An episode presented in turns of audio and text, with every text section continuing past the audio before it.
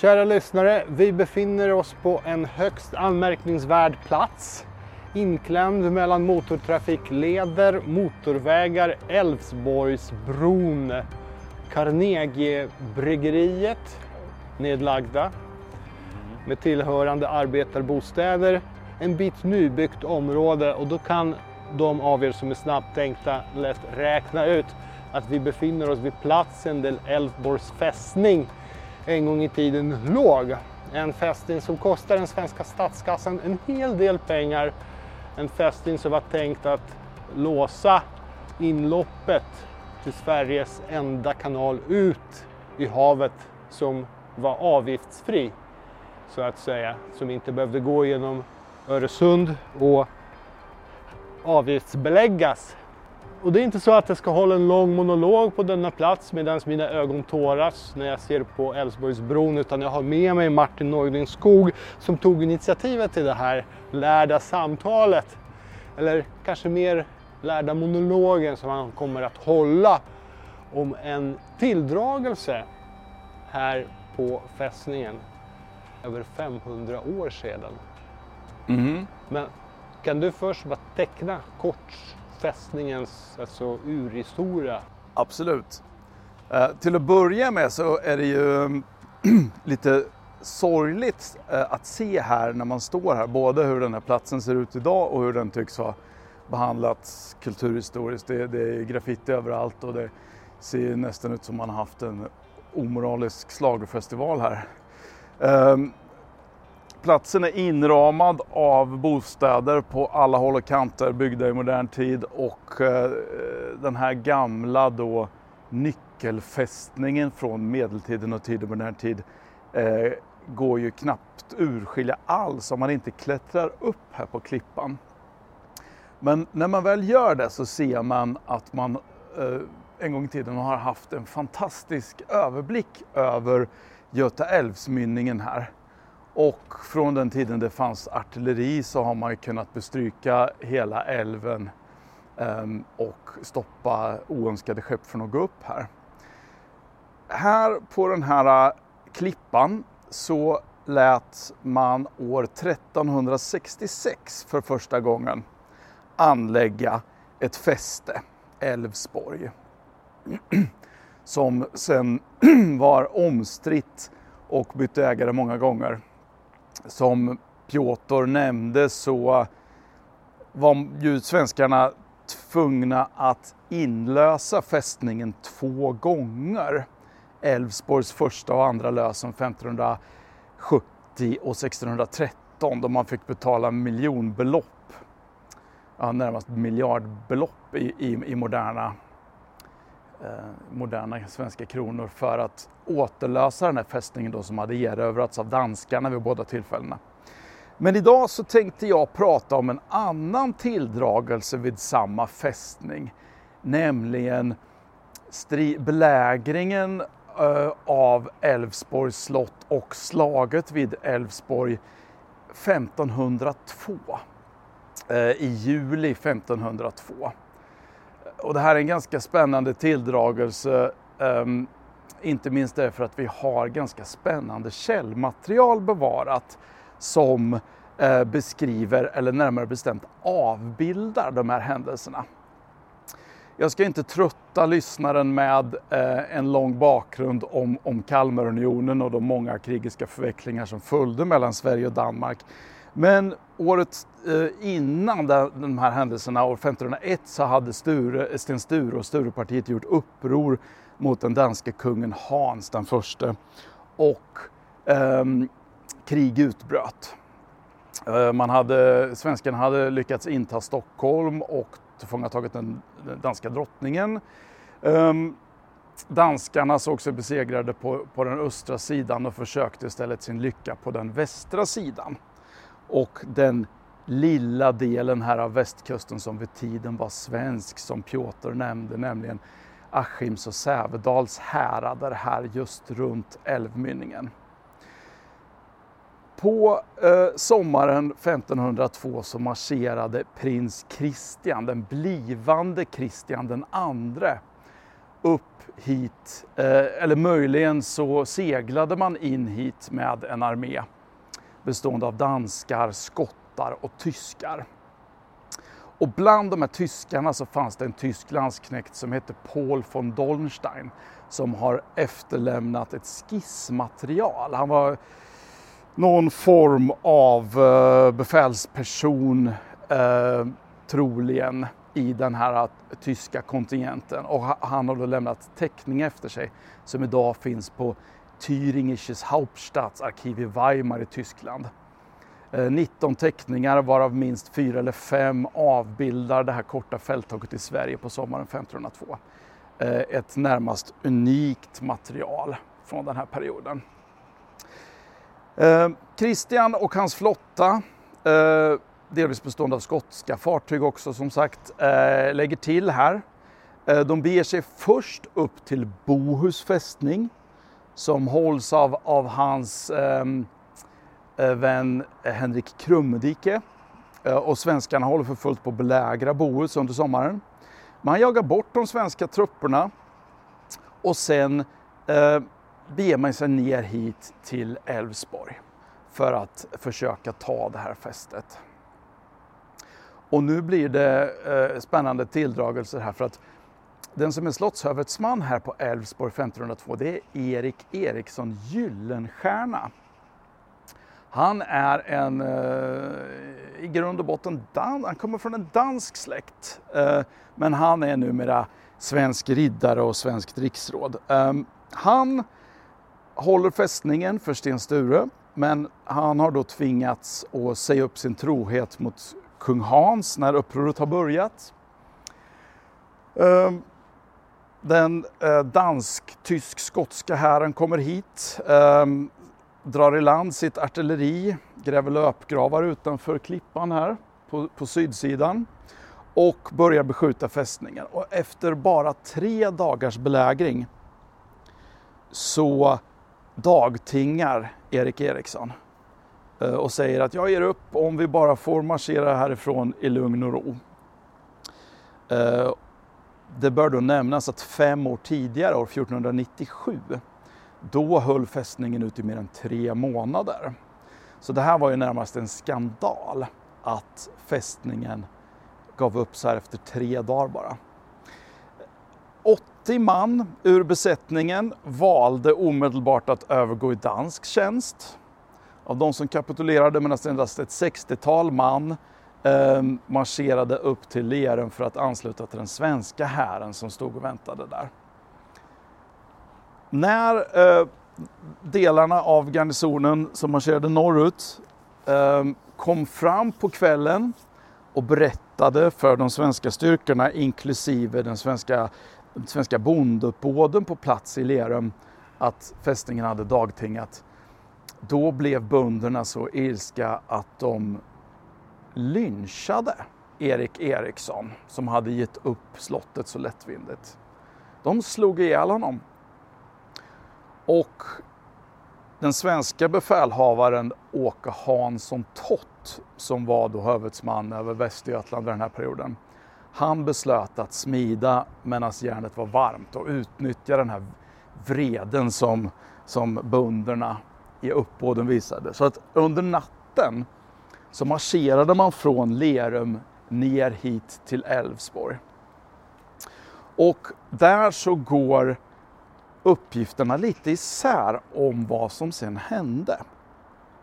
För tittar man på den här tyska landsknekten Paul von Dornsteins bilder så ser man eh, ett regelrätt slag där tyska landsknektar i i täta led går till anfall med sänkta pikar mot eh, allmoge upp, alltså bo, en, en bondeuppbåd eh, till fots med, med, med armborst i långa, långa rader eh, och en hård strid utspelar sig på den här bilden. Men tittar man på andra källor så är bilden lite mer diffus. Det finns ett brev från fyra dagar efter slaget som en norsk frälseman, Knut Alfsson, har lämnat efter sig. Där han berättar att ja, om bara alla, alla bönder i uppbådet hade kommit fram i tid så hade vi nog kunnat besegra danskarna och tyskarna. Men eh, det gick inte så bra och, och många hästar blev, fick vi skjutna och några bönder strök med och sådär. Eh, så stod vi på avstånd sen och tittade när, när Kristian brände slottet och marscherade härifrån. En ytterligare källa som ger en mycket rikare och mer detaljrik berättelse om slaget det är Hans Svaning, den danske krönikören Hans Svanings krönika från 1560 ungefär. Där ger han en mycket mer detaljrik och färgglad bild av slaget. Han berättar hur Åke Hansson och den svenska armén kom hit på mor morgontimmarna eh, med den, bara den beridna förtruppen. Och att man beslutade sig för att helt enkelt rida ner eh, de sovande soldaterna i, i den stora fältlägret framför slottet. För, för, för vakten hade somnat och så vidare, som det, som det är i sagorna vid tiden. Eh, men då var Åke Hansson då enligt Svaningen så eh, eh, hjältemodig och ärelysten man att han inte tyckte att man kunde anfalla danskarna utan förvarning. Så han lät sin trumpetare blåsa en signal först för att väcka danskarna innan man gick till attack. Det här låter ju ganska tveksamt och eh, eh det finns många färgglada inslag i Svanings krönika. Men eh, det som sen hände, nämligen att man anföll det här lägret med svenskt kavalleri eh, och att soldaterna de svenska soldaterna som tycks ha trott att slaget i det närmaste var vunnet i det här skedet började plundra och bröt sin slagordning. Och då så påstår Svaning att man ska ha, eh, en av de danska befälhavarna, Anders Bilde, skulle ha mm, rusat ut mitt i lägret och, och planterat det danska kungabaneret i marken och, och på så vis samlat trupperna för ett motanfall som sen blev framgångsrikt. Eh, Medan prins Christian då som hade lägrat sig uppe på slottet rusade ner med sina hushållstrupper. Eh, Svanings krönika är lite ett mischmasch av olika uppgifter.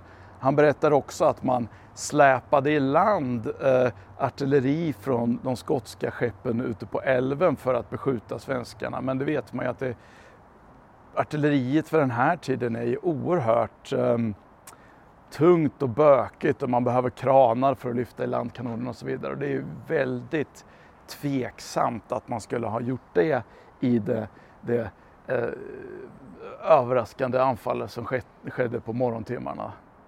Eh, så att vi måste nog ta svaningskrönikan med en nypa salt. Men vad vi vet i alla fall är att svenskarna drog sig tillbaka och att danskarna då brände slottet efter att ha tömt det på alla värdeföremål och inventarier. Den svenska hären drog sig tillbaka till Lerum. Lerum undrar ni kanske?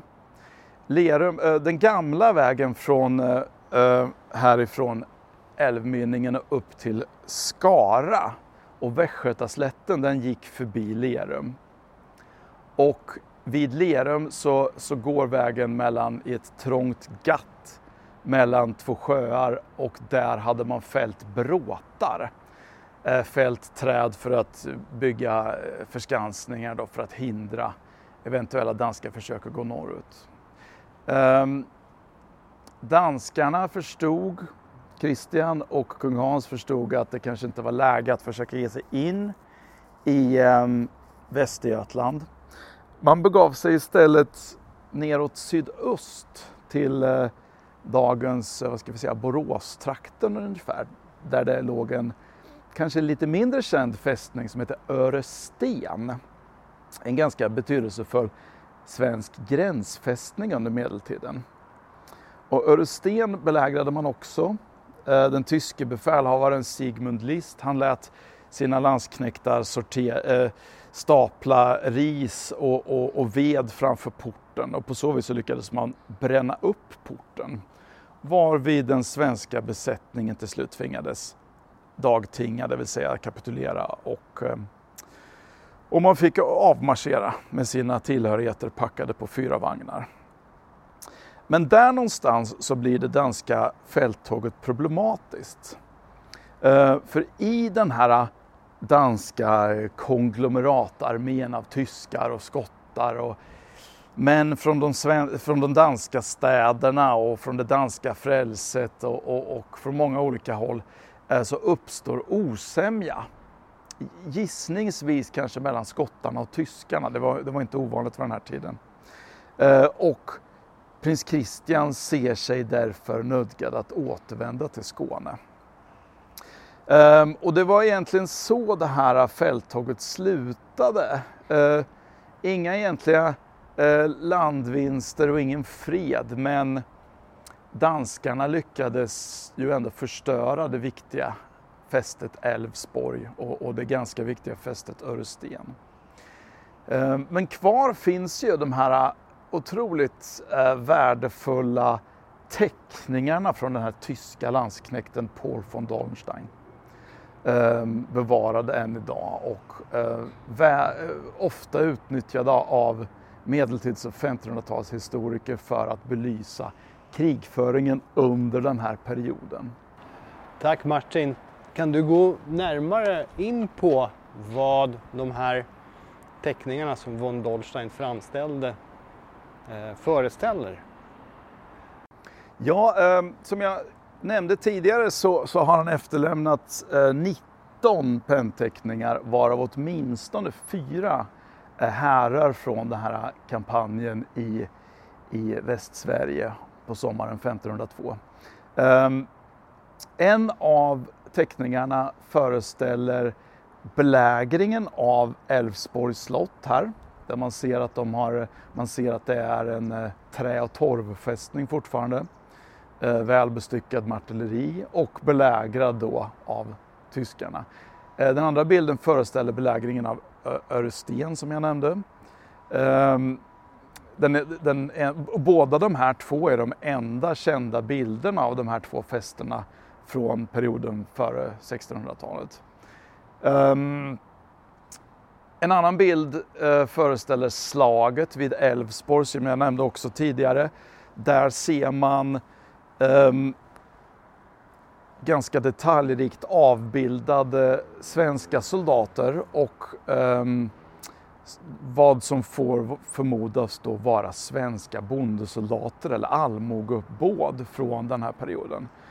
Uh, och det här är otroligt ehm, ovanligt att de här svenska bondesoldaterna överhuvudtaget avbildas i konst eller eh, annorstädes under den här perioden. Det, de är närmast unika de här bilderna som Paul von Dornstein har, har, har tecknat och som finns bevarade efter honom på svenska bondesoldater. Um, man ser uh, vilka typer av rustningar och vapen som bondesoldaterna har även vad de har för fälttecken faktiskt. Um, så att de, de, här bilderna är närmast unika. Det är ovärderlig information med andra ord. Inte bara för Sverige utan för som, världens militärhistoria.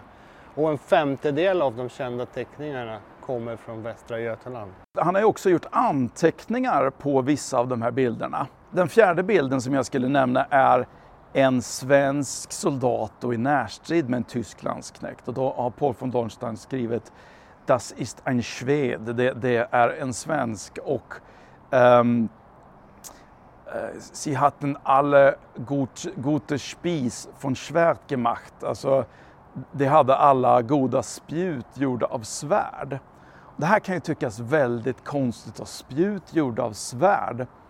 Eh, men då avbildar Dornstein faktiskt spjut som har långa klingor på sig och tvärslår vid fästena. Och eh, då är det faktiskt så att det finns flera sådana här arkeologiska fynd från den här perioden. Bland annat från Skarabiskopens borg i Husaby i Västergötland och eh, vid Slussenutgrävningarna på eh, 30-talet så hittade man ett, en sån här stavsvärd också. Så att de här vapnen som tycks ha varit väldigt typiska för Sverige under den här perioden, de finns belagda arkeologiskt och, och, och ger då Dornstein rätt i sin beskrivning. Eh, vidare så ser man då att de svenska bondesoldaterna eh, många, de flesta av dem är beväpnade med armborst. Och det är ju också ett vapen som är väldigt väl belagt i eh, de skriftliga källorna från, från Sturetiden, då, den här perioden. Att eh, nästan alla bunder som drog i fält var beväpnade med armborst. Och det kan man också se på den här bilden som föreställer slaget vid Älvsborg. Att man ser hur landsknektarna har fått sådana här armborstpilar genom benen och låren och, och ansiktet och armarna. Det är, Dornstein har verkligen lyckats fånga den fruktansvärda effekten som de här pilarna har. Eh, vidare så kan man också på de här bilderna se att de här bondesoldaterna är ganska väl utrustade. De har åtminstone, nästan alla har hjälmar, alltså kittelhattar, alltså st stora vidbrättade um, metall, alltså plåthjälmar på sig och bröstharnesk och ringbrynjor och så vidare. Så att de är, det här är inte, det man ser eh, på de här bilderna, det är inte några ihoprafsade eh, sådana här liksom eh, uppbåd med hörtjugor och facklor som man lätt föreställer sig. Eh, utan det här är liksom en, en rätt så ändå förhållandevis väl utrustad trupp som, som drar i fält. Och det kan man ju också se i, jag har skrivit lite om det tidigare, om man tittar i det skriftliga källmaterialet så ser man att de här bondeuppbåden är rätt så välorganiserade och manstarka. Och eh, de har ofta, ofta föreskrivet att de ska ha med sig mat och utrustning för flera månader och vissa av dem är till och med beridna eller eh, har med sig hästar som packdjur och så vidare. Så med, med andra ord så är von Dollsteins framställningar inte bara unika utan, utan också tillförlitliga. De går att stämma av mot andra typer av, av källmaterial eller artefakter. Ja, Dornsteins teckningar och skriftlig information är påfallande tillförlitlig givet vad vi vet. Det finns vissa detaljer i hans um, material som eh, antyder lite skrävlande och sådär. Han säger att de, de, de mötte 14 000 svenskar varav de slog ihjäl de flesta av dem. Och det är ju ganska osannolikt och både givet vad vi vet om krigföringen vid den här tiden och vad då de andra kända källorna kan berätta. Eh, Dornstein säger också att den danske kungen eh, betalade dem mycket väl och lät eh, sätta dem på skepp och föra dem tillbaka eh, till Tyskland på våren 1503 efter att han hade låtit dubba dem alla till riddare. Och det eh, är också ett påstående som man starkt kan ifrågasätta. Men, men i övrigt... Det tecknade materialet, är det ja. det som är mer tillförlitligt ja. i sammanhanget? Det skulle jag säga. Det tecknade materialet är ytterst um, tillförlitligt. För det är alltså både skrift och teckningar? Jag trodde att det var endast teckningar det rörde sig om. Ja, det är alltså skrift, alltså korta, korta anteckningar på teckningarna. Eh, I, i hörnen eller eh, Ja, precis. Alltså på Som själva... en kommentar till själva... Ja. Kommentarer på själva skissbladen. Um, och det intressanta med Dornstein också, om man, om man får liksom vidga vyerna. Uh, Dornstein han var ju en tysk landsknekt då. En ny typ av legosoldat som hade organiserats under den här perioden. Och, och det här materialet som Dornstein har efterlämnat eh, det avbildar ju eh, så vitt vi vet minst två andra kampanjer också. Varav den första var eh, belägringen av Montfort i Holland år 1491 där Dornstein också deltog. 1491 skruvar man tillbaka klockan fem år därifrån till 1486. Då, har man, eh, då finner man de första omnämnandena överhuvudtaget av de första landsknektsförbanden som Ehm, ärkehertig Maximilian lät organisera i lågländerna. Så att det är inte omöjligt alltså att Dollenstein ingick i något av de allra första landsknektsförbanden som faktiskt sattes upp. Och att han sen då um, emellan fälttågen, vi, vi, vet att Dornstein var, var, jobbade som brobyggare i Torgau eh, i slutet av 1490-talet och att han eh, deltog i eh, det som brukar kallas för Landshutter Erbfolgekrig. Um, eller den bayerska fejden 1504. Eh, varvid han sen vistades tidvis på 1510-talet vid det saxiska hovet och där finns omnämnd i hovräkenskaperna. Så att eh, man kan följa honom under ja, nästan ja, drygt 20 år i källorna och då har han deltagit i minst tre kampanjer varav den här då till Älvsborg 1502 var hans andra kampanj vad vi vet. Um, och Dornstein är nog i detta avseende ganska typisk för de här tyska legosoldaterna under den här perioden. Att de, de, de, får sin övning och sin militära färdighet under ett sånt här krigståg och sen när andan faller på eller ehm, eh, tiderna blir sämre eller ett gott erbjudande dyker upp, då, då väljer man återigen att lägga piken på axeln och bege sig ut på krigståg. Sen återvänder man kanske till ett, till ett, eh, ett borgerligt yrke i städerna igen. Eh, och så håller man på så tills man blir för gammal för att dra i fält. Och då blir man traumatiserat invalid på, på stadens lilla inrättning? Ja, kanske. Motsvarande Danvikens hospital. ja, precis. Nej, det, det, vet vi ingenting om, vi kan bara ana. Eh, tack så mycket Martin för den här intressanta episoden. Eh, som säkert väldigt få av våra lyssnare varit medvetna om. Och vi ska inte klappa som avslutning utan det får lyssnarna göra. Avslutningsvis kanske vi bara skulle um, vända oss till uh, Länsstyrelsen här i Västra Götaland med uh, ett anbefallande av en upprustning av den här sönderklottrade och nedgångna platsen uh, vid Klippan vid Älvsborgsbrons fäste i Göteborg som en gång eh, huserade en av Sveriges allra viktigaste fästen, Älvsborgs slott. Det ser verkligen tråkigt, här nu, tråkigt ut här nu och vi hoppas att eh, någonting kan ske med platsen.